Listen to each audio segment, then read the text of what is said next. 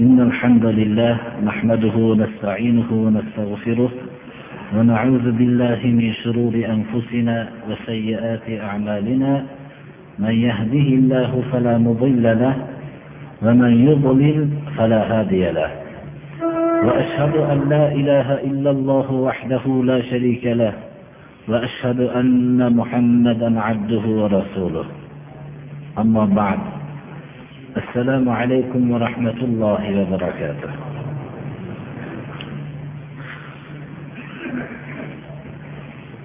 alloh subhanahu va taolo inson bilan jinni faqat o'zigagina ibodat qilishlik uchun yaratdi ya'ni inson bilan jinni ibodat qilishlik uchungina yaratgani yo'q Faqat o'zigagina ibodat qilishlik uchun yaratdi. Biz ikkala so'zni farqini bilmoqligimiz kerak. Makka mushriklari ya'ni rasululloh sollallohu alayhi vasallam payg'ambar bo'lib kelgan vaqtlarida makka mushriklari ollohni borligiga iqror bo'lishliklari qatorida va ollohni koinoti yerni yaratuvchi zot deb iqror bo'lishliklari qatorida va ollohni rizq beruvchi zot deb iqror bo'lishliklari qatorida ollohga ibodat ham qilishardi. Lekin bu ibodatni faqat alloh subhanahu va taoloning o'zigagina qilmasdi. Mana shu bilan ular mushrik bo'lishdi. Mana shu odamlar ya'ni ollohni bor deb e'tiqod qilganlar ollohni roziq sifatini iqror bo'lganlar. Ollohni yaratuvchi deb iqror bo'lgan kishilar va Allohga ibodat ham qilib yurgan lekin faqat ollohgagina ibodat qilmay yurgan kishilar ey odamlar la ilaha illalloh deylar deb muxotab bo'lishlikka loyiq bo'lishdi. Ya'ni rasululloh sollallohu alayhi vasallamning yo'lidan emas bu odamlar deb e'lon qilindi. Payg'ambarimiz sollallohu alayhi vasallam men olib kelgan yo'lda emassizlar deb xitob qildilar. Sizlar mushriksizlar deb xitob qildilar. Demak biz mana bu narsani bilmoqligimiz kerak. Men agar hozir shu so'zni aytsam ko'pchilikka bir dag'al bo'lishligi ham mumkin. Agar alloh subhanahu va taolo rasululloh sollallohu alayhi vasallamni hozir payg'ambar qilib jo'natganlarida hozir islomni davo qilgan kishilarga hammalariga deb aytsak xato bo'ladi. Olloh o'zi saqlaganlar mustasno bundan. Olloh la ilaha illalloh kalimasini hayotiga tadbiq qilib o'zining shaxsiy hayotida tadbiq qilib yurgan kishilar olloh o'zi biladi bular mustasno shu odamlar muxotab bo'lishgan bo'lardi. Ey odamlar la ilaha illalloh deyglar deb xitob qilinishligi loyiq bo'lardi. Shuning uchun bizni ba'zi bir yuzaki amallarimiz mag'rurlantirib qo'ymasligi kerak. Darsimizning asosiy mavzusi avvaldan tortib kalimai tavhid shunda ketmoqda birodarlar. Ibodat ma'nolari mufassal suratda bayon qilindi. Shu ibodatni faqat alloh subhanahu va taologa qilishlikka alloh subhanahu va taolo bizlarga ham tavfiq bersin. Rasululloh sollallohu alayhi vasallamning yo'liga ergashishlikka hammamizga tavfiq bersin. Qiyomat kuni o'zini barmog'ini tishlab men rasul bilan birga yo'l tutgan bo'lar ekan. hamma yo'llardan voz kechib rasululloh sollallohu alayhi vasallam olib kelgan yo'lga ergashsam bo'lar ekan deb attang qilib qoladigan zolimlardan qilib qo'ymasin ويوم يعد الظالم على يديه يقول يا ليتني اتخذت مع الرسول سبيلا يا ويلتى ليتني لم اتخذ فلانا خليلا alloh subhanahu va taolo zolim deyapti Biz zolim deganda birodarlar faqat birovga moliyaviy zulm qilgan odamnigina tushunamiz. Lekin zolim buning ma'nosi ko'p. To'g'ri. Moliyaviy suratda zulm qilgan odam ham zolim lekin zolim ma'nosining hammasi bo'lmas alloh subhanahu va taolo mana bu oyatda juda bir tasvirlayaptiki zolim ikki qo'lini tishlagan. Yad arab tilida mana bu shu qismni kaft qismini yad deydi. O'zining maxsus bir lug'atlari bor. Ziro. Va hokazo boshqa ko'proq yad kalimasini ko'proq shu kaf qismiga iste'mol qilinadi. Ba'zi o'rinlarda yad qismini uzun shu qo'limizni hammasini ham iste'mol qilinadi. Alloh subhanahu va taolo bu yerda bir barmog'ini tishlaydi deb barmog'ini uchini tishlaydi demayapti. Ba'zi o'rinlarda alloh subhanahu va taolo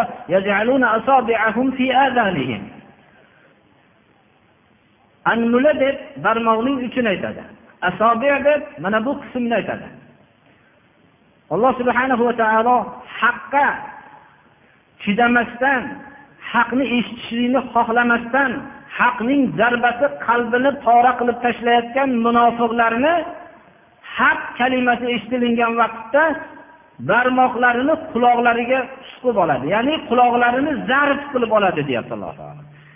Insonning barmoq qismi qulog'iga sig'maydi. Lekin shu haq kalimasini eshitishlikdan chidamasdan tamomiy barmog'ini qulog'ini ichiga go'yoki tiqib yuboradi. Shunchalik qattiq bekitishligidan kinoya qilyapti odatda tishlash ham barmoqni uchini tishlaydi. Bu nadomatdan kinoya. Lekin qur'oni karim mana bu oyatda bir qo'lini emas ikki qo'lini. Attangning nihoyat darajada qattiq qilganligidan ikkita qo'lini og'ziga tiqib yuboradida shuni qattiq tishlaydi. Shuni kirgizib tishlagan holatini bilmaydigan bir tasvirni bilan suratlayapti nima uchun attang qiladi? يا يوم يعض الظالم على يديه يقول يا ليتني اتخذت مع الرسول سبيلا rasul bilan men bir yo'l tutsam bo'lar ekan ya'ni rasululloh sollallohu alayhi vasallam olib kelgan yo'lni tutsam bo'lar ekan deydi bu yo'lni tutmaslikka sabab nima ekanligini halil birovlarni o'ziga qattiq do'st qilib olgan Halik bor arab tilida sodiq bor. Sodiq deb do'stni aytadi umuman. Halil nihoyatda bir kirishib ketgan do'st. Kirishib ketishlik natijasida uning yo'lini qabul qilib qo'ygan. Ho u kufr yo'li bo'lsin ho nifoq yo'li bo'lsin ho fisq yo'li bo'lsin ho bu bid'at yo'li bo'lsin sunnatga xilof bo'lgan yo'llar bo'lsin xoh dinsizlarning yo'li bo'lsin. Umuman rasul olib kelgan yo'ldan hamma boshqa yo'llarni olmasam bo'lar ekan. Men bu yo'llarga kirmasam bo'lar ekan deb qattiq suratda nadomat qilib zolim deyapti alloh taolo. Rasul sollallohu alayhi vasallamning olib kelgan yo'liga ergashmasdan boshqa yo'llarga aytib o'tyapmiz umuman rasul sollallohu alayhi vasallam olib kelgan yo'ldan boshqa yo'lni o'ziga yo'l qilib olgan odamlarni do'st qilib olsa mana shu odam zolim deyapti.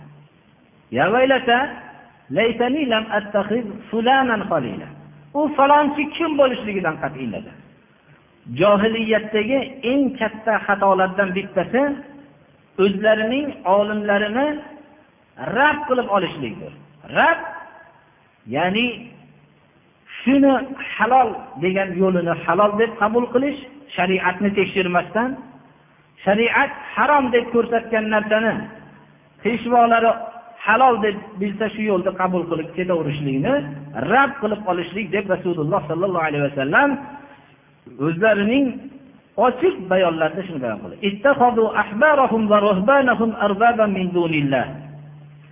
Yahudlar o'zlarining olimlarini nasorolar ham o'zlarining olimlarini ollohni qo'yib rad qilib olishdi deb adi ibn hotimni kirib kelayotgan vaqtlarida bo'yinlarida but bor edi.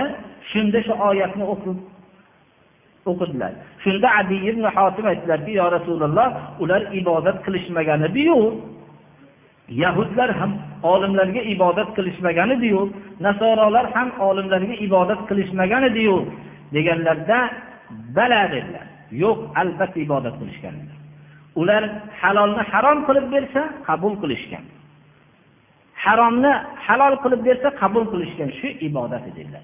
Demak alloh subhanahu va taoloning yo'liga zid bo'lgan yo'lni aytib bersa shuni qabul qilsa ibodatni shu odamga qilib ollohga har qancha ibodat qilib yurgan bo'lsa ibodatni bir qismini odamga qilib shu odam mushrik bo'ladi deb rasululloh sollallohu alayhi vasallam ochiq aytdilar.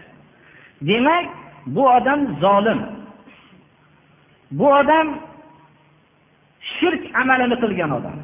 Bu bir mahallani domlasini tafsirimiz emas birodarlar. Rasul sollallohu alayhi vasallamki bizlarga shariati islomiyani olib kelgan zotning tafsiridir. Buni hech qanday odam boshqacha ma'no aytishlikka modomiki iymonni davo qilsa haqqi yo'q. Shuning uchun alloh subhanahu va taolo shunday zolimlardan qilib qo'ymasin. Biz har kuni har bir namozimizni har rak'atida sura fotihani o'qiymiz. Alloh subhanahu va taolodan to'g'ri yo'lga yo'llashligini allohdan so'raymiz. Va mag'bubin alayh bo'lgan addolin bo'lgan g'azablangan va hamda adashgan odamlarning yo'liga kirib qolishlikdan panoh istaymiz. Ba'zi ulamolar al mag'bubi alayhim g'azab qilingan kishilar ilm o'qib amal qilmagan kishilar deyilgan. Ilm o'qib amal qilmagan kishilarni ollohning g'azabiga duchor bo'lgan kishilar deyilgan mana shu oyatni tafsirida. Adashgan kishilarni johil obidlar deyilgan ibodat qilaveradi lekin johil shariatga muvofiqmi? Muvofiq emasligi bilan ishi yo'q. Mana bular adashgan odamlarning abbollikni tafsiridir. Biz bilaylik xoh bilib xoh bilmasdan har bir rakatda ilm o'qib amal qilmaydiganlardan qilib qo'ymagin deb so'raymiz. Har bir rakatda adashgan odamlardan ya'ni johil obidlardan qilib qo'ymagin deb har bir rakatda birodarlar ollohdan biz madad so'raymiz panoh istaymiz. Mana bu narsani bilib qo'ymoqligimiz kerak. Kim bir ilm unga barpo bo'lsa bunga amal qilmasak mana bu oyat kaftiga dohil bo'lib qolishligimiz ehtimoli bor birodarlar. Johil obid bo'lsa ya'ni hech bir shariat nima buyurgan bilmaydi xohlagan amalni ibodat deb qilaveradi. Mana hozirgi vaqtda shirk amalini qilayotganlar yig'lab bizdan ko'ra ko'proq yig'lab ibodat qilyapman deydi. Nazrlarini ollohdan boshqaga qilayotganlar bular juda ixlos bilan qilishadi. Ixlos bilan mushrik bo'lishadi. O'zining qasamni ollohdan boshqaga ichayotgan kishilar. Alloh subhana va taolo o'zi tushirgan yo'lni bu yo'lga barobar bo'lishligi mumkin boshqa yo'llar deb balki u yo'llarni afzal ko'rayotgan kishilar bunga ixlos qilayotgan kishilar ixlos bilan mushrik bo'layotgan odamlar deb bilmoqligimiz kerak. Ibodat qabul bo'lishligining sharti ikkita. Birinchisi ixlos bo'lmoqligi kerak. Ixlos ya'ni allohning rizosi uchungina bo'lmoqligi kerak. Biz faqat ibodat qilishlikkagina ma'mur bo'lgan emasmiz biz ibodatni faqat ollohga qilmoqligimizga ma'mur bo'lganmiz.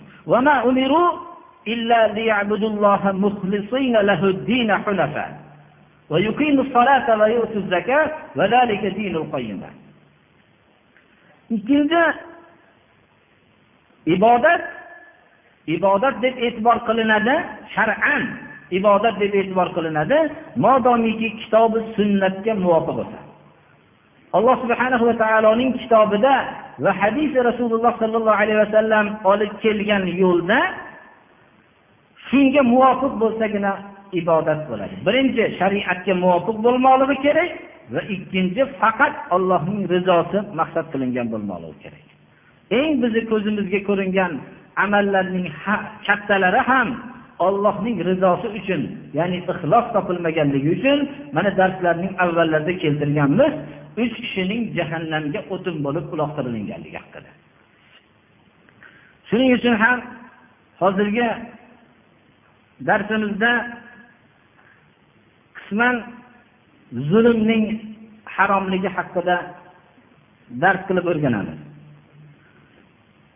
alloh subhanahu va taolo zolimlarni albatta halok qilishligi bilan va'da qildi. Ya'ni xabar berdi.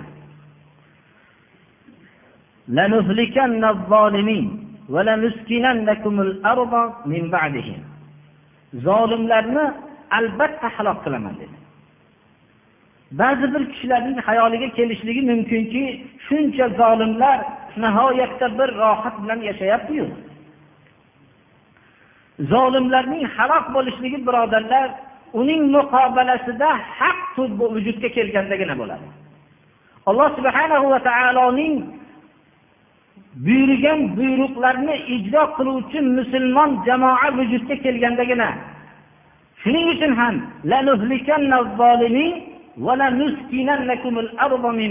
deb alloh subhanahu va taolo va'da qilyapti. Biz shuning uchun zolimlarning albatta halok bo'lishligida olloh bizga xabar beryapti. Bu, xabarda shak shubha yo'q. Lekin uning muqobalasida deyishlikka muxotab bo'ladigan musulmon jamoa haq jamoa bo'lmoqligi kerak. Alloh subhanahu va taolo zulmni hamma turini harom qildi zulmning eng kattasi shirkdir وإذ قال لقمان لابنه وهو يعظه يا بني لا تشرك بالله إن الشرك لظلم عظيم imom buxoriy zulmun ba'da zulmin katta zulm va kichik zulm deb alohida bob ajratib zulmning kattasi mana bu joyda alloh subhanahu va taolo deb azim bilan sifatlanyapti. Ya'ni katta zulm borligini bu zulm shirk. Shirk keltirgan odam zolimlarning eng kattasidir. Chunki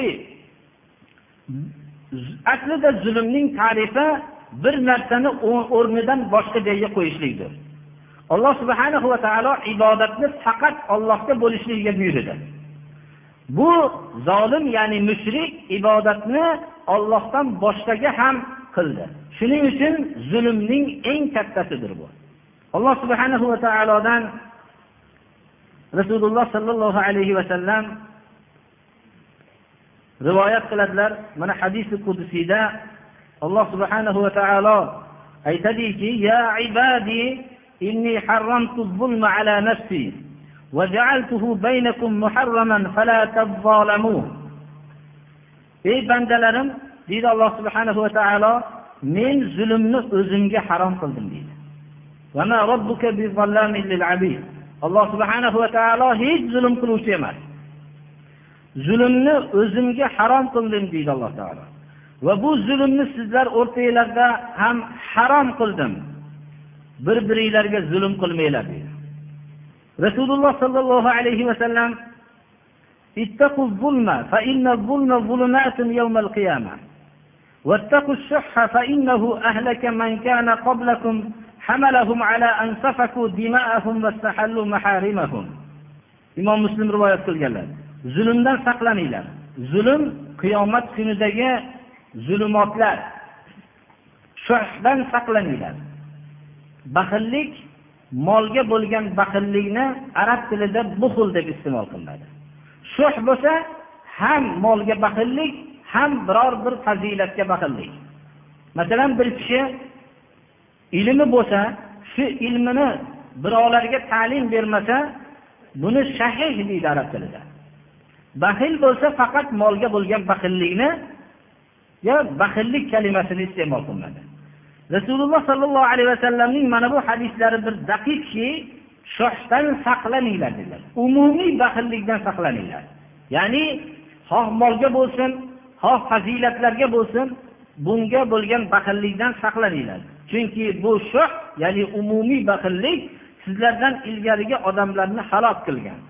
Ularni qonlarini to'kishlikka va harom narsalarni halol sanashlikka majbur qilgan. Haqiqatda ham ko'p haromlarni halol sanab jamlashlikka va o'rtadagi bir birlariga bo'lgan zulmlarni qilishlikka insonni sabab bo'ladigan narsa mana bu umumiy baxillikdir. Rasululloh sollallohu alayhi vasallamdan rivoyat qilingan bu muttafaqun alayhi hadisda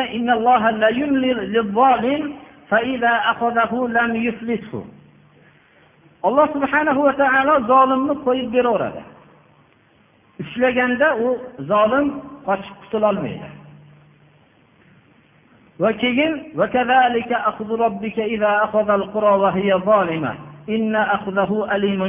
oyatini o'qib qo'ydilar rasululloh sollallohu alayhi vasallamga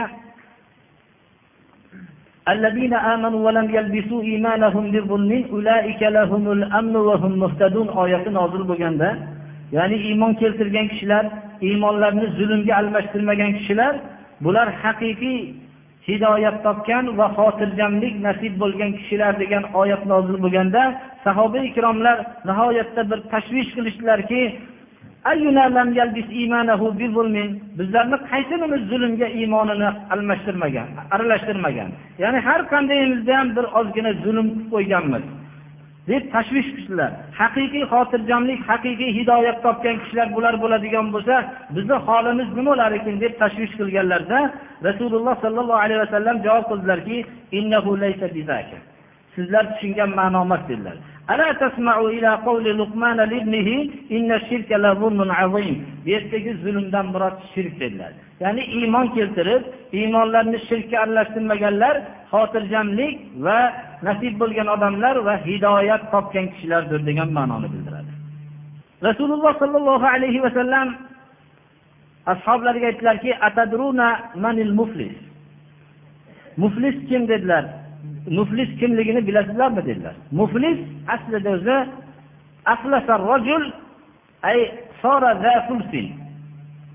bir shaqali bo'lib qoldi degan ma'noni bildiradi. Ashoblar aytishdilarki al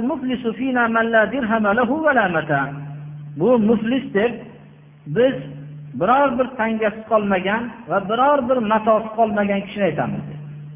Muflis aslida ma'nosi shuki bir kishi o'zini hayotini birovlardan pul so'rab o'tkazib yuraveradi. Birovdan bir miqdor pul so'raydida u pulni ishlatib qarz bergan odam so'rab kelganda ertaga beraman deb yana bir kishidan moli davlat so'rab uni uzib qo'yib undan qarz bo'lib yuraveradi. Yana bir kishidan qarz so'rab hayotini o'tkazib u so'rab kelganda yana boshqasidan so'rab uzib qo'yib xullas shu shaharni ko'pchiligidan qarz bo'lib ketadi. Oxiri borib hamma bu sir ochilgandan keyin islom qozisiga shikoyat qilib borishadi qarz berganlar. Unda uning moli mulkini musodara qilib ularni qaysi foizdan shunga to'g'ri keladigan bo'lsa qozi o'zini adolat bilan bu moli mulkini musodara qilib qarz berganlarga bo'lish beradi. Va e'lon qiladiki bu odam muflis. Ya'ni biz iflos odam bu. Ya'ni bir chaqalik odam endi bunga qarz bermaslikni e'lon qilinadi qarz bermagandan keyin bu odamni mutlaqo muomalotlarda hammasida chetga chiqarib qo'yiladi. Agar kimda kim qarz bergan bo'lsa bu e'londan keyin unga qozi o'rtaga tushmaydi. Shu ma'noni aytishdilar sahobalar. Rasululloh sollallohu alayhi vasallam aytdilarki muflis ya'ni bu ham muflisu bu hayotdagi muflis oxiratda ham bir chaqalik odam bor dedilar. إن المفلس من أمتي من يأتي يوم القيامة بصلاة وصيام وزكاة ويأتي وقد شتم هذا وقذف هذا وأكل مال هذا وسفك دم هذا وضرب هذا. فيعطى هذا من حسناته وهذا من حسناته. فإن فنيت حسناته قبل أن يقضى ما عليه أخذ من خطاياهم فطرحت عليه ثم طرح في النار. imom muslim rivoyatlarida keltirilgan ummatimni ichidagi muflis shuki dedilar qiyomat kuniga namoz o'qigan holatda keladi. Ya'ni benamoz odam emas namoz o'qiydi. Ro'za tutgan zakotni bergan birodarlar ancha biz salohiyatli odam deb gumon qilib yurgan odam. Namoz ro'za zakotni bergan. Ado qilgan bu farzlarni ammo birovlarga zulm qilgan holatda kelgan. Zulmi turli. Ba'zilarga tili bilan zulm qilgan. Ba'zilarni ayollarni sha'niga bo'xton toshi otgan. Ba'zilarni bo'lsa molini olgan zulman olib. Ba'zilarni jismiga zulm qilganda qonini to'kkan. Mana bu ba'zilarni bo'lsa qo'li bilan ozor berib urgan. Xullas zulmning hamma turini qilgan. Bittasiga buning hasanotlaridan olib beradi. Olib beriladi. Yana boshqasiga yana hasanotlardan olib beriladi. Xuddi moli mulkini musodara qilingandek. Ya'ni namozlari qabul bo'ladigan ro'zalari qabul bo'ladigan darajada zakotlarni qabul bo'ladigan darajada o'tagan odam. Bu hasanotlarni hammasini xuddi dunyodagi muflisni moli mulki musodara qilingandek uning savoblari musodara qilinadi. Agar hasanotlari tugab qolsa buni haqqini o'talishligidan ilgari hasanotlar yetmay qolsa ularning xatolaridan bunga yuklanadi va o'zini o'tga uloqtiriladi zulm hamma turi yomon ekanligini mana bu narsadan bilib qo'yishimiz kerak. Rasululloh sollallohu alayhi vasallam zulmni faqat insonlargagina emas hayotdagi hayvonlarga qilingan zulmni ham oqibati jahannam ekanligidan xabar berdilar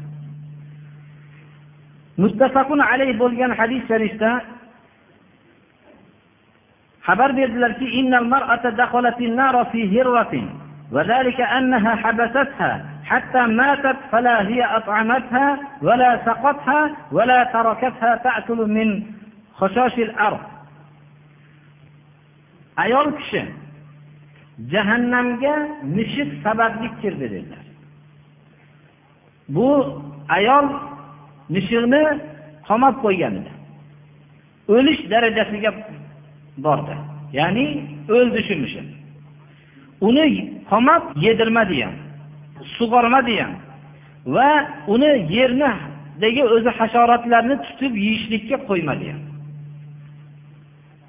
Shu zulm sababli ya'ni mushukqa zulm qilganligi sababli jahannamga kirdi dedilar zulmni hatto hayvonga qilgan zulmni uni hurriyatini tortib olib mushukni qamab qo'ygan ayolni jahannamga kirganligini xabarini berdi. Mana bu narsadan biz hozir bir xulosa chiqarishimiz kerak.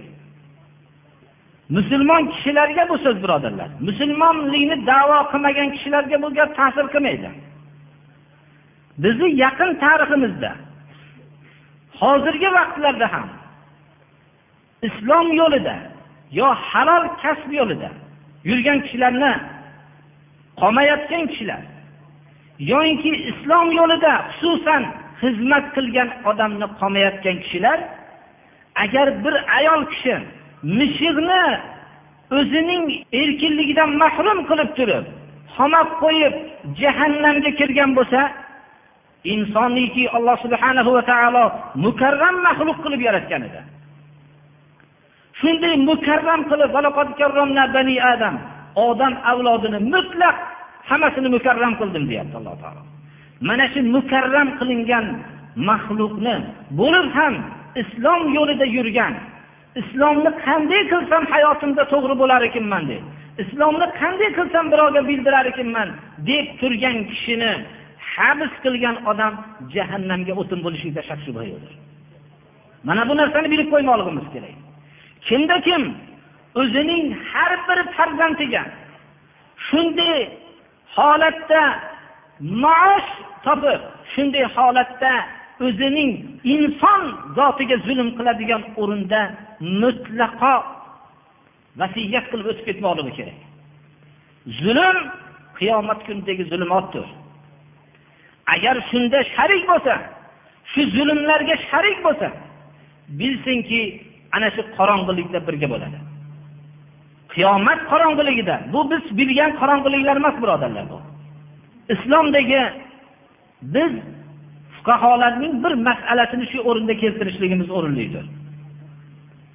Islomda to'ng'iz go'shti qat'an nas bilan haromdir. Mast qiluvchi ichimlik qat'an haromdir. Bunda shak shubha yo'q. O'laksa ya'ni o'zi o'lib qolgan hayvon go'shti ilgari o'lmasdan ilgari halol edi. Bu o'lishligi bilan harom bo'lishligida shak shubha yo'q. Bu oyat bilan sobitdir. Ollohni nomidan boshqa nom bilan aytib so'yilingan narsa ham haromdir.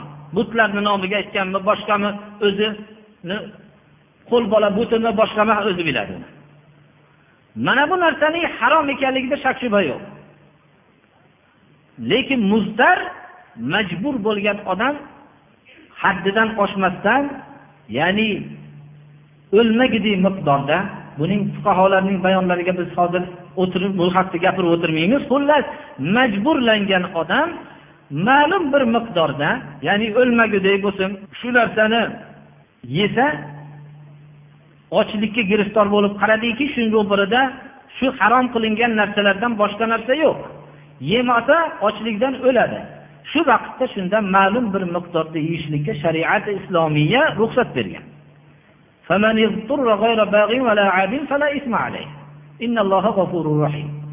Majburlik holatini har har xil mufassirlar ma'no berishgan. Shu majburlikni ichida fuqarolarning yana tafsirlari mabodo bir zolim qattiqqo'l haqiqatda shuni zulm qilishlikka qudrati yetadi. Aytsaki agar shu harom qilingan narsani sen yemasang o'ldiraman dedi. Haqiqatda ham o'ldirishlikka qodir. Shu vaqtda shu harom qilingan narsani yeyishlikka shariat buyurdi yeb hayotni saqlab qolsin. Majbur qilsa zolim va shuni o'ldiraman desa o'ldirishlikka qodir bo'lgan zolim. Mana bu narsani yemasdan o'lib ketsa gunohkor bo'ladi. Yeb majbur holatida yeb hayotni saqlab qoladi chunki bu narsada birovga zarar yo'q birodarlar. Endi shu masala bir zolim qatl qilishlikka qodir o'ldirishlikka qodir. Shu odam bir mo'min odamning moliga zarar yetkazasan dedi. Xoh molini yondirib yuborasan dedi. Yoyinki shu molini talon taroj qilasan dedi. Shuni moliga yoyinki shuni zarariga bir so'z aytasanki shu bilan u mahbus bo'lib yoki bir zararlanadi xullas mo'min odamning zarariga bo'lgan so'zni yo biror amalni qilmasang seni qatl qilaman dedi. Haqiqatda ham qatl qilishlikka qodir. Shunday odam bo'lsa shunda agar o'zini hayotini saqlab qolishlik uchun shu mo'minga zarar yetkazish uchun ho moliga o't qo'ysin ho boshqa qilsin ho zarar yetkazsa qattiq gunohkor bo'lib ketadi. Ammo shu yerda shu ishni men qilmayman ollohdan qo'rqaman. Alloh taolo zulmni o'zini zotiga harom qilgan. Buni mo'minlar o'rtasida albatta harom bo'lgan. Men bu narsani qilib qilishlikdan qo'rqaman. Ollohni huzurida nima deb javob beraman deb shunda zolim uni o'ldirib yuborsa shahid bo'ladi birodarlar. Biz bir odamga zulm qilishlik bilan mana bu o'rindagi to'ng'iz go'shtini yeyishlik o'rtasidagi farqni bilmoqligimiz kerak. Endi hali uni majbur qilinmasdan turib mo'min odamga zarar yetkazishlikka ishqiboz bo'lsa holi qanday bo'ladi? Uni ham qo'ying bunga ma'lum bir maosh olib turib shundan ma'lum bir narsani foydalantirib turib mo'minni zarariga ish qilsa buni holi nima bo'lishligini mana bu masaladan taqqoslab bilib olaverasizlar. Alloh subhanahu va taolo shariati islomiyada zulmdaqa qattiq bir man qilgan narsasi yo'qdir. Bu zulmning avvali shirk oxiri mana kichkina zulmlargacha boradi. Alloh subhanahu va taolo zulmdan saqlasin. Yana darsimizni avvalidek zulmga qaytamizki eng zolim deb alloh taolo nadomat qilgan holatini aytyaptiki rasul sollallohu alayhi vasallamning yo'lini qo'yib bu kishining sunnatlarini mana bu buyurgan sunnatlarini qo'yib turib boshqaning yo'lini tutib ketgan odamni alloh taolo zolim deyapti va uning qiyomatdagi achinarli nadomat qilgan holatini bizga bayon qilyapti. Sahobalarning fazilatlari haqidagi bo'lgan darsimizda bizlarga ko'p bir mashhur bo'lmagan umumiy kishilarga albatta mashhur bo'lmagan sahobalardan bittalari nomon roziyallohu anhudir. Nomon roziyallohu anhuning fazilatlaridan bu kishini nihoyatda qur'onning tilovatiga mohirliklari bilan mashhurdir va yana bu kishi onalariga sodiq farzand bo'lganliklari bilan mashhurdir oysha roziyallohu anhodan rivoyat qilinadiki rasululloh sollallohu alayhi vasallam aytdilarki فسمعت صوت قارئ يقرأ فقلت من هذا فقالوا هذا حارثة بن النعمان uxlab tushimda o'zimni jannatda ko'rdim dedilar rasululloh sollallohu alayhi vasallam. Bir qorini tovushini jannatda eshitdim dedilar. Qiroat qilayotganligini. Bu kim deb so'rasam deyishdilar. Rasululloh sollallohu alayhi vasallam shundan keyin shuni aytdilarki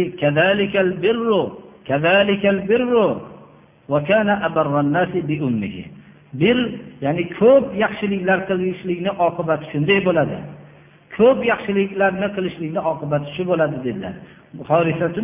Roziyallohu anhu onalariga nihoyatda sodiq bir farzand edilar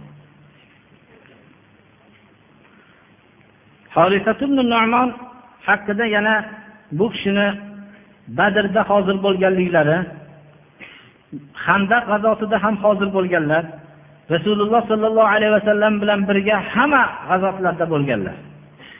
Va jibril alayhissalomni ikki marta ko'rganlar. Jibril alayhissalomga salom berganlar va jibril alayhissalom bu kishiga javob qaytargan zotlardan hisoblanadi. Nomonning yana fazilatlaridan ba'zisi hunayn g'azotida juda ko'p sahobalar chekinishib payg'ambarimiz sollallohu alayhi vasallamning atroflarida sano barmoq bilan sanaladigan kishilar qoldilar. Shu atroflarda qolgan kishilardan bittalari roziyallohu anhudir. Undan tashqari rasululloh sollallohu alayhi vasallam bilan qo'shni turganlar. Bu kishi turmush qilganlarida payg'ambarimiz sollallohu alayhi vasallam turmush qilishlari bilan uylarini bo'shatib yonlariga joy qilgan ekanlar. Yana turmush qilganlarida u uyni ham bo'shatib yoniga joy qilgan ekanlar. Hatto rasululloh sollallohu alayhi vasallamdan rivoyat qilinadiki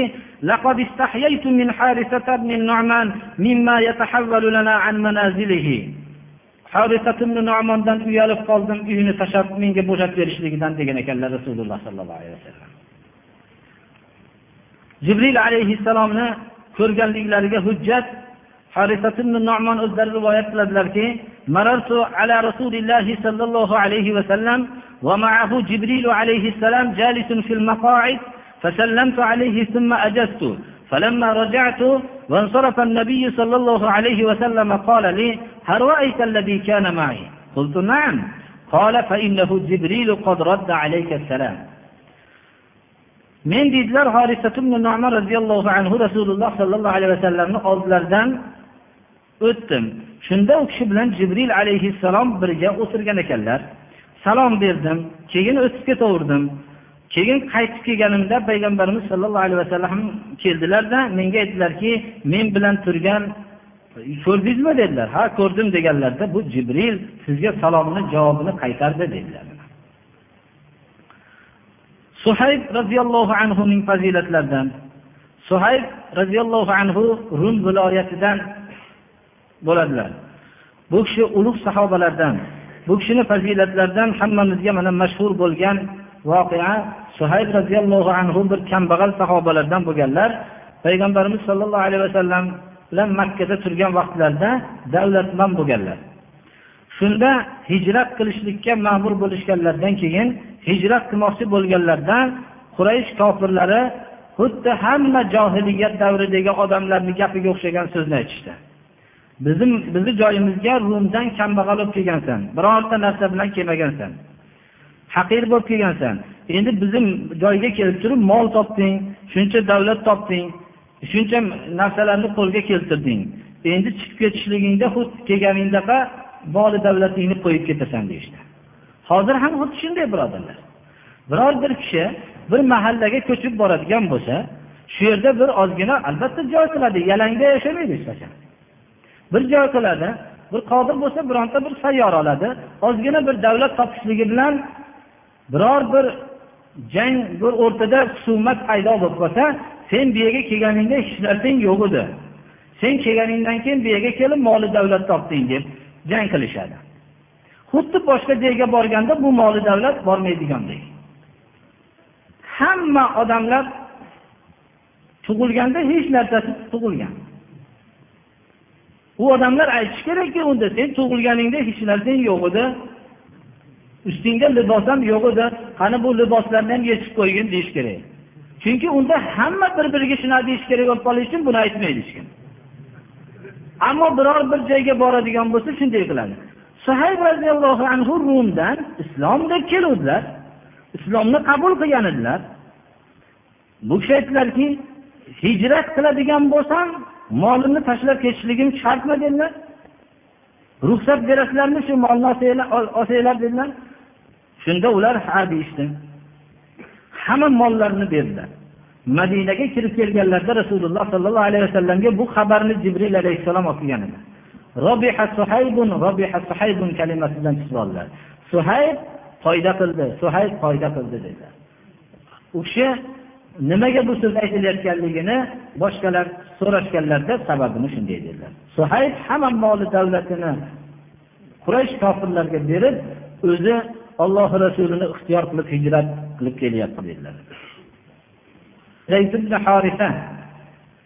Payg'ambarimiz sollallohu alayhi vasallam eng yaxshi ko'rgan sahobalardandir. Zayd ibn horisaiki o'zlari tarbiya qilgan zotni farzandlaridir. Payg'ambarimiz sollallohu alayhi vasallam biror bir hayotlarida sariya jo'natmagan ekanlar. Magar zayd ibn horisa ya'ni bu kishining dadalarini albatta amir qilgan ekanlar. Hatto eng katta g'azotda ham g'azotiki rum bilan bo'lgan g'azotda ham uchta eng katta ulug' sahobalar shahid bo'lishdilar. Harbiy qo'mondonlarning avvalgisi zayd ibn horisa edilar. Zayd ibn horisa jo'natilingan hamma lashkarda zayd ibn horisa amir bo'lganlar. Mana shu kishining farzandlaridir usoma ibn zayd. Qur'oni karimda mana bu nomlari ham abadiy zikr qilinib qolgan zot ham zayd ibn horisadir shu zayd kalimasi zikr qilinib qoldi. Oysha roziyallohu anhodan rivoyat qilinadiki يعني لا ينبغي لأحد أن يبغض أسامة بعدما سمعت رسول الله صلى الله عليه وسلم يقول من كان يحب الله ورسوله فليحب أسامة oysha roziyallohu anhu aytadilarki birov uchun mumkin emas usomat ibn zaydni yomon ko'rishligi men rasululloh sollallohu alayhi vasallamdan eshitganman deydilar kim olloh rasulini yaxshi ko'rsa usomani yaxshi ko'rsin degan ekanlar usomat ibn zaydni dadalari haqida zayd ibn horisa haqida roviy ma'mar rahmatulloh alayh zuhriydan so'radim deydilar ما علمنا أحدا أسلم قبل زيد بن حارثة zayd ibn horisadan ilgari birovni musulmon bo'lganligini bilmayman degan ekan zayd ibn horisa avvalda islomni qabul qilgan kishilardan ekan imom zuhriyni rivoyatlariga qaraganda Rasululloh sollallohu alayhi vasallam vafot topishlaridan ilgari oxirgi hayotdagi amallarning amallari ham usomat ibn zaydni zayd ibn horisa dadalari shahid bo'lgan rum viloyatiga amir qilib lashkar jo'natdilar. Shu vaqtda usomat ibn zayd o'n yetti yashar bola edilar ko'p kishilar usomat ibn zaydni yoshligi haqida gapirishganlarida payg'ambarimiz sollallohu alayhi vasallam qattiq buni rad qildilar. Ibn zayd o'n yetti yashar bola rum lashkariga abu bakr roziyallohu anhu umar ibn hattob va ulug' sahobalar holid ibn validdey shunday katta harbiy mahoratga ega bo'lgan kishilar bor lashkarga harbiy qo'mondon qilib tayinlangan bo'lib ham rasululloh sollallohu alayhi vasallam tarafidan tayinlangan zotdir usomat ibn zayd. Usomat ibn zaydni jo'natmasdan payg'ambarimiz sollallohu alayhi vasallam vafot qildilar. Abu bakr roziyallohu anhu xalifa bo'lganlaridan keyingi birinchi ishlari usomat ibn zaydni lashkarini jo'natishlik bo'ldi. Shunda ham ba'zilar usomat ibn zayd haqida gapirganlarda hatto umar ibn hattobdek kishi ham usomat ibn zaydni yoshligi haqida gapirganlarda rasululloh sollallohu alayhi vasallam tayin qilgan narsani rad qilishlikni mendan talab qilyapsanmi? Itlar meni talab turgansa ham bu amalni men bekor qilmayman dedilar. Usomat ibn zaydni jo'natishlik buni tagida juda ko'p hikmat bor edi. Va uni usomat ibn zayd lashkarini ba'zilar umar ibn hattobni shu vaqtda jo'natmaslikda ya'ni og'ir holatda madina qolishligini bilan ogohlantirgan deb ham ta'bir qilishadilar. Usomat ibn zaydni jo'natish va u kishini tayinlashlikni o'zgartirmagan holatda jo'natdilar. Bu kishi mana al ya'ni suyumlining o'g'li suyumlik deb laqablanadilar. Rasululloh sollallohu alayhi vasallam bu kishining dadalarini ham yaxshi ko'radilar va bu kishining farzandlari usomat zayd bu kishini ham yaxshi ko'radilar. Hattoki payg'ambarimiz sollallohu alayhi vasallamdan xulafolardan keyin usomat zaydni farzandlarini ko'rishganda ham mana u kishini hurmatlashardilar rasululloh sollallohu alayhi vasallam bu kishining dadasini va dadasining dadasini ham yaxshi ko'rgan kishining farzandi deb payg'ambarimiz sollallohu alayhi vasallamni yaxshi ko'rganliklariga ergashishardilar hatto umar ibn hattob roziyallohu anhu abdulloh ibn umar o'g'illariga xilofat davrida maosh tayin qilganda bir yillik maoshni tayin qilganlarida usomat ibn zaydga ko'p tayin qilgan ekanlar. Shunda abdulloh ibn umar buni sababini bilmasdan so'ragan ekanlarki nima uchun mendan ko'ra usomat ibn zaydga bo'lgan maosh ko'proq deganlarda javob bergan ekanlarki ey abdulloh o'g'lim degan ekanlar bu kishining dadasi seni dadangdan ko'ra rasululloh sollallohu alayhi vasallamga suyumliroq edi. Bu ham rasululloh sollallohu alayhi vasallamga suyumliroq edi. Men rasululloh sollallohu alayhi vasallamning muhabbatlarini o'zimni muhabbatimdan ortiq ko'rganligim uchun buni maoshini ortiq qo'yib qo'ydim degan ekan. Shunchalik bu kishi ulug' sahobalardandir. Alloh subhanahu va taolo darsimizni hamma davom etsin shu darslarimizda eshitilingan gaplarga amal qilishlikka alloh tavfiq bersin. Sahobalarni fazilatlarini o'qiyapmiz biz ham ularga ergashishligimizga alloh taolo bizga ham tavfiq bersin. ilmimizga amal qilishlikka alloh tavfiq bersin اهدنا الصراط المستقيم صراط الذين أنعمت عليهم غير المغضوب عليهم ولا الضالين ko'p bir ba'zi savol javoblar bo'lib ko'payib qolganligiga umumiy suratda bir ikkita hadisni darsimizni mavzusi bo'lmasa ham o'qib beraman payg'ambarimiz sollallohu alayhi vasallam savdogarlarga ularning haqlarida yaxshi so'zlarni ham aytdilar Shariatga amal qilmaganlarga vaid bilan ham xabar berdilar.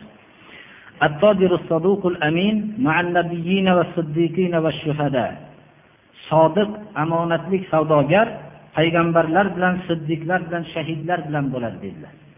Qiyomat kuni. Bu va'da har kimga aytilgani yo'q. Chunki moli davlatni ichida turib omonatli bo'lishlik payg'ambarlarning yo'liga ergashgan odamlargagina nasib bo'ladi birodarlar. Xususan hozirgi vaqtda nihoyat darajada xiyonat mana bunday narsa moli davlat bilan mo'min kishilarning qalbiga kirib kelyapti birodarlar. Ba'zi o'rinlarga kirib o'rnashib bo'ldi.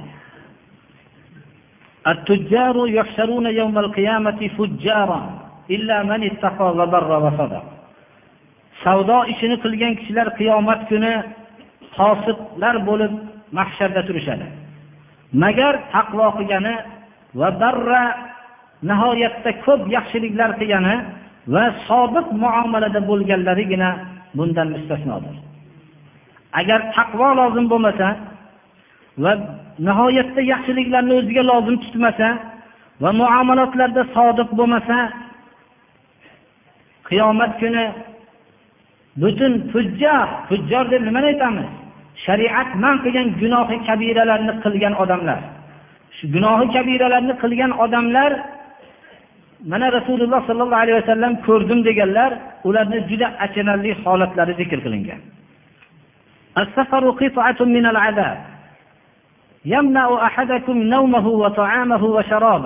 فإذا قضى أحدكم نهمته من وجهه فليعجل إلى أهله hozirgi vaqtda shu hadis bizga kerak birodarlar safar azobdan bir parchadir Sizlarni bittalaringlarni uyqusidan yemoq va ichmog'idan qaytaradi. Albatta safarda bu o'z uyidagi rohati yo'qoladi. Sizlarni bittalaringlar endi o'zini borgan maqsadini o'tab bo'lgandan keyin ahliga shoshilsin dedilar. Ya'ni bola chaqasini oldiga kelsin. Juda ko'p kishilar bir maqsad bilan savdo bilan borib o'zini shu safarini yana boshqa narsalarga ulab oylab oylab o'zini uzoq chetga olib bola chaqasidan uzoq bo'lishligi sababli farzandlarning tarbiyasidan mahrum bo'lib qolyapti. Mana bu narsa ham rasululloh sollallohu alayhi vasallamning bizlarga bergan yo'llanmalari. Bu yo'llanmalarda bo'lgan xato uni zararini ko'p ko'ramiz birodarlar. Mana bu hadisni ham bilib qo'yaylik. Qodir bo'lib turgan odamni kechiktirib dunyoviy muomalasini kechiktirishligi zulmdir. Bugungi darsimiz zulmdan o'tdi. Bir odamdan muomalangiz bo'lsa u odam sizdan qarz bo'lsa yoyinki u odamdan siz qarz bo'lsangiz o'zingizda bor bo'lib turib shuni kechiktirib turishligi zulmdir.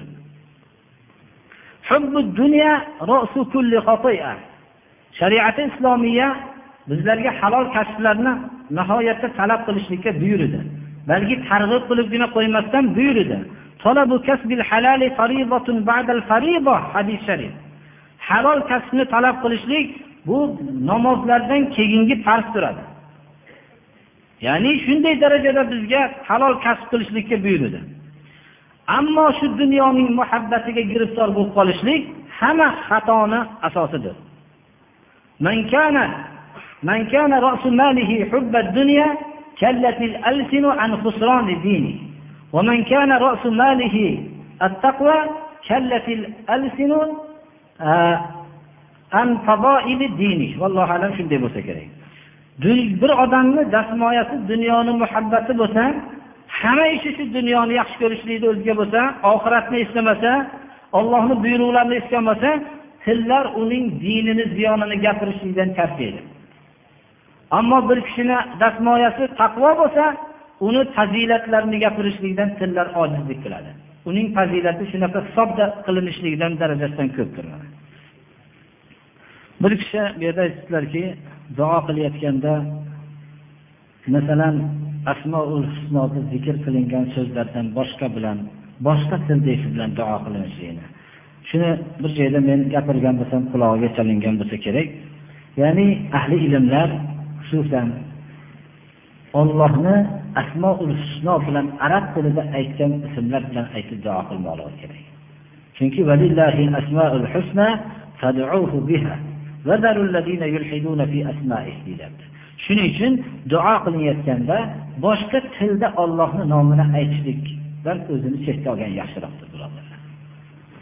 Bir kishi so'rabdilar xo'ja to'ra degan qoracha degan so'zlardan ya'ni biz shuni bilamizki rasululloh sollallohu alayhi vasallamning avlodlarini sayyidlar deymiz.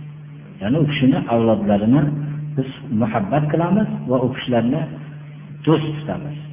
Ya'ni ahllari lekin shariatga xilof ish qilsa kim bo'lishligidan qat'iy nazar biz dushman tutamiz. Ahli baytim deganlar rasululloh sollallohu alayhi vasallamni ahli baytimni deb vasiyat qilganlar. Ahli baytlari ba'zi rivoyatlarda mana salmon roziyallohu anhuni meni ahli baytim dedilar.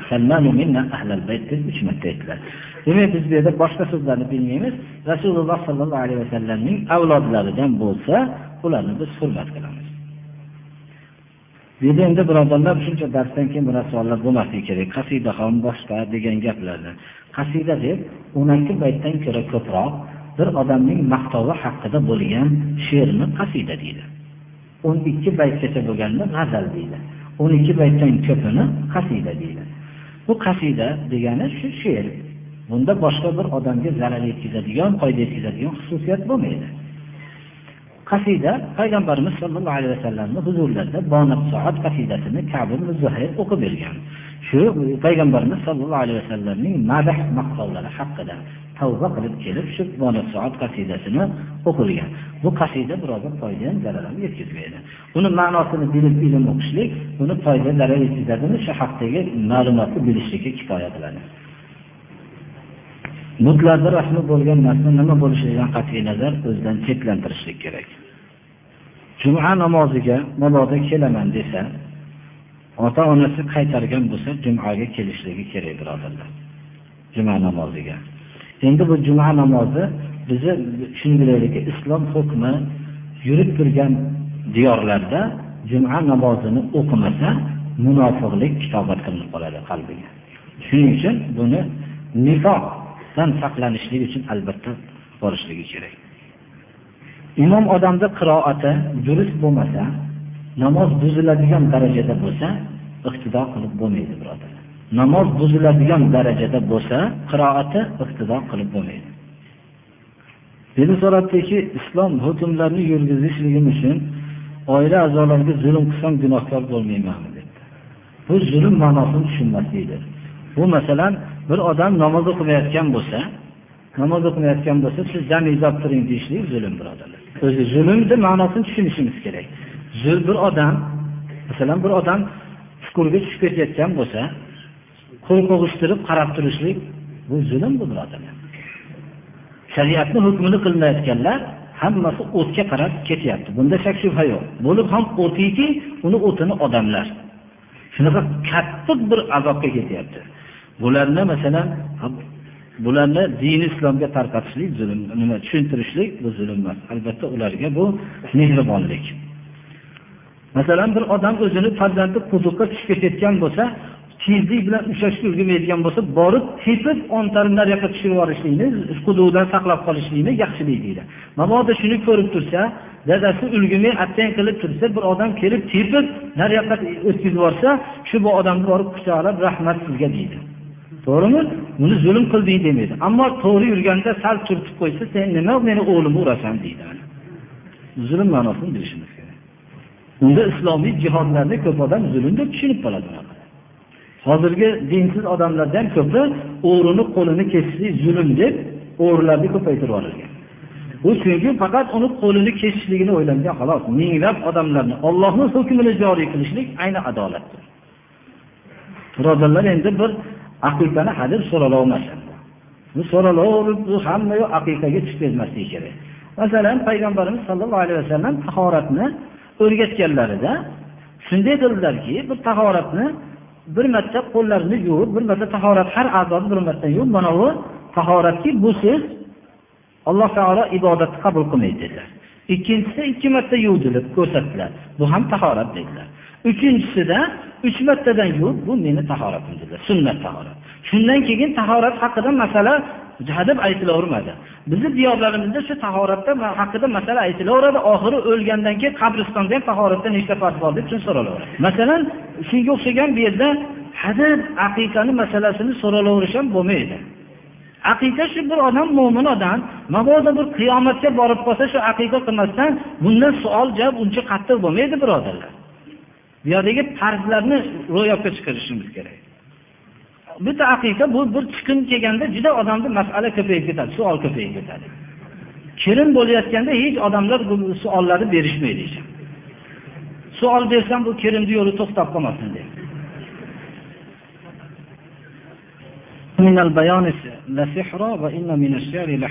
Bu hadis g'alati yozilibdi shu sahihmi deb so'rabdi bir kishi.